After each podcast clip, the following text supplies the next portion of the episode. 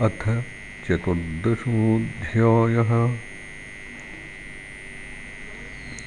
सोमवंशः ऐलचरितम्। श्रीशुक उवाच अथातः श्रूयतां राजन्वंशः सोमस्य पावनः। यस्मिन्नैलादयो भूपाः कीर्ति त्यन्ते पुण्यकीर्तयः सहस्रशिरसः पुंसो नाभिहृदसरोरुहात्। जातस्यासीत् सुतो धातुरत्रिः पितृसमो गुणैः।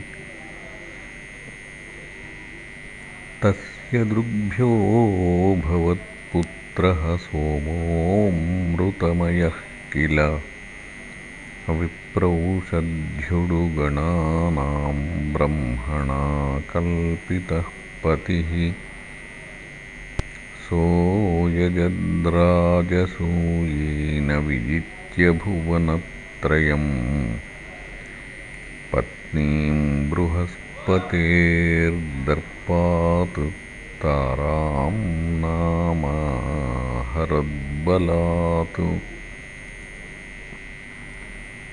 यदा स देवगुरुणा याचितो भीक्ष्णशोमदात्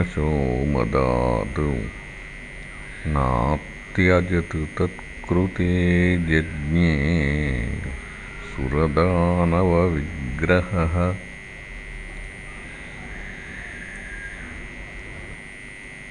शुक्रो सासुरोडुपम्। हरो गुरुसुतं स्नेहात् सर्वभूतगणावृतः। सर्वदेवगणोपेतो महेन्द्रो गुरुमन्वयात् सुरासुरविनाशोऽभूत् समरस्तारकामयः। निवेदितोऽथाङ्गिरसा सोमं निर्भर्त्स्य विश्वकृतु। तारां स्वभर्त्रे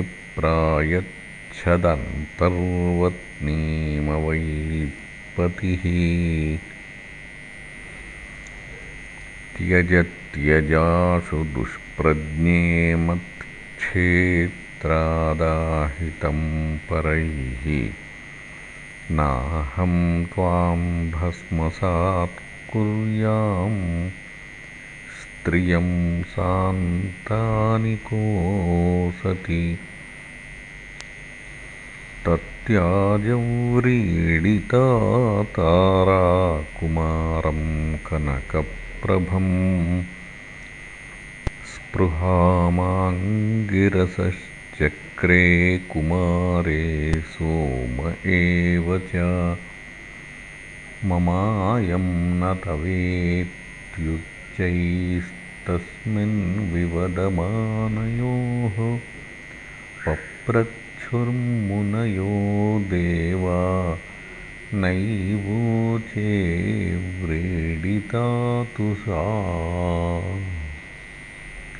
कुमारो मातरं प्राहकुपितोऽलीकलज्जया किं न वोचस्य सद्वृत्ते आत्मावद्यम् वदाशु मे ब्रह्मा तां रहाहूयसमप्राक्षीच्च सान्त्वयन्। सोमस्येत्याहशनकैः सोमस्तं तावदग्रहीतु। तस्यात्मयोनिरकृतबुध इत्यभिधां नृप। बुद्ध्या गम्भीरया येन मित्रेणापोडुरान्मुदम् ततः पुरूरवाजज्ञे इलायां यौदाहृतः। तस्य रूपगुणौदार्यशीलद्रविणविक्रमान् श्रुत्वोर्वशीन्द्रभवने गीयमानान् सुरर्षिणा तदन्तिकमुपेयाय देवी स्मरशरार्दिता मित्रावरुणयोः शापादापन्ना नरलोकताम् निशाम्यपुरुषश्रेष्ठं कन्दर्पमिव रूपिणम् धृतिं विष्टभ्यललना उपतस्थे तदन्तिके स तां विलोक्यनृपतिर्हर्षेणोत्फुल्ललोचनः उवाच श्लक्ष्णया वाचा देवीं हृष्टतनूरुहः राजोवाच स्वागतं ते वरारोहे आस्यतां करवामकिं संभ्रमस्वमया साकं रतिर्नौ शाश्वती समाह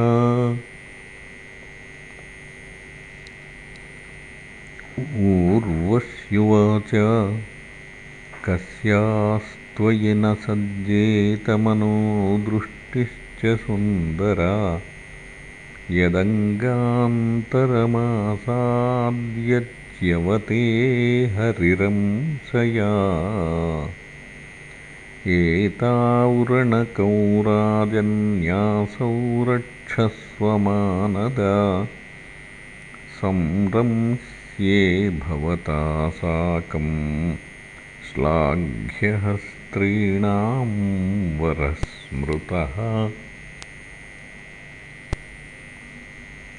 घृतं मे वीरभक्ष्यं स्यान्नेक्षे त्वान्यत्र मैथुनात्। विवाससं तत्तथेति प्रतिपेदे महामनाः।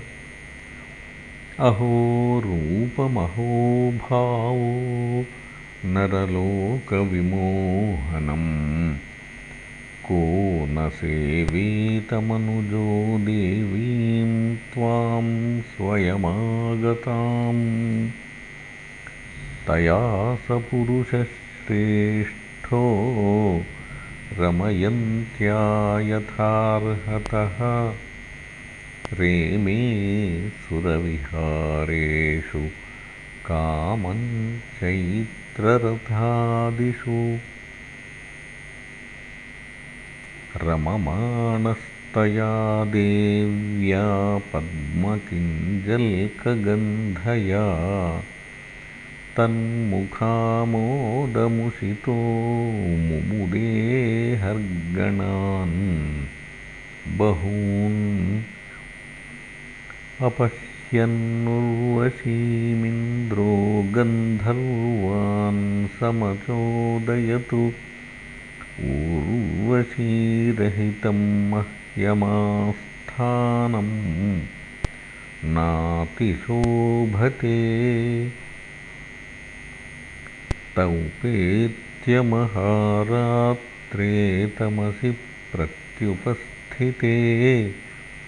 ऊर्वश्या उरणौ जह्रुन्यस्तौ राजनि जायया।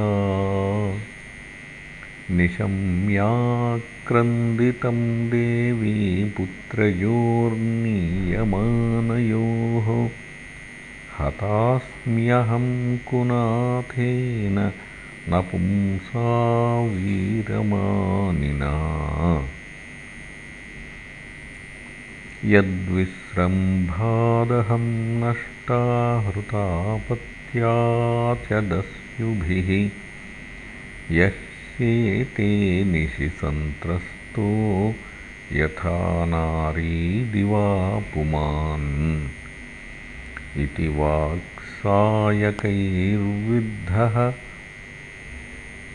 प्रतोत्रैरिव कुञ्जरः निशि निस्त्रिंशमादाय विवस्त्रोऽभ्यद्रवदृशा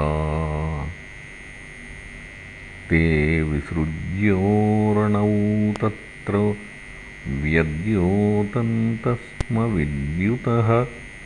आदायमेषावायान्तम् नग्नमैक्षतसा पतिम् ऐलोऽपि शयने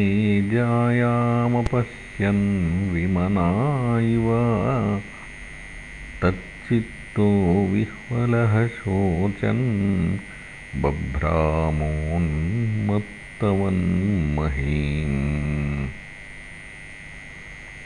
स तां वीक्ष्य कुरुक्षेत्रे सरस्वत्यां च तत्सखीः। पञ्चप्रहृष्टवदनाः प्राहसूक्तं पुरूरवाः।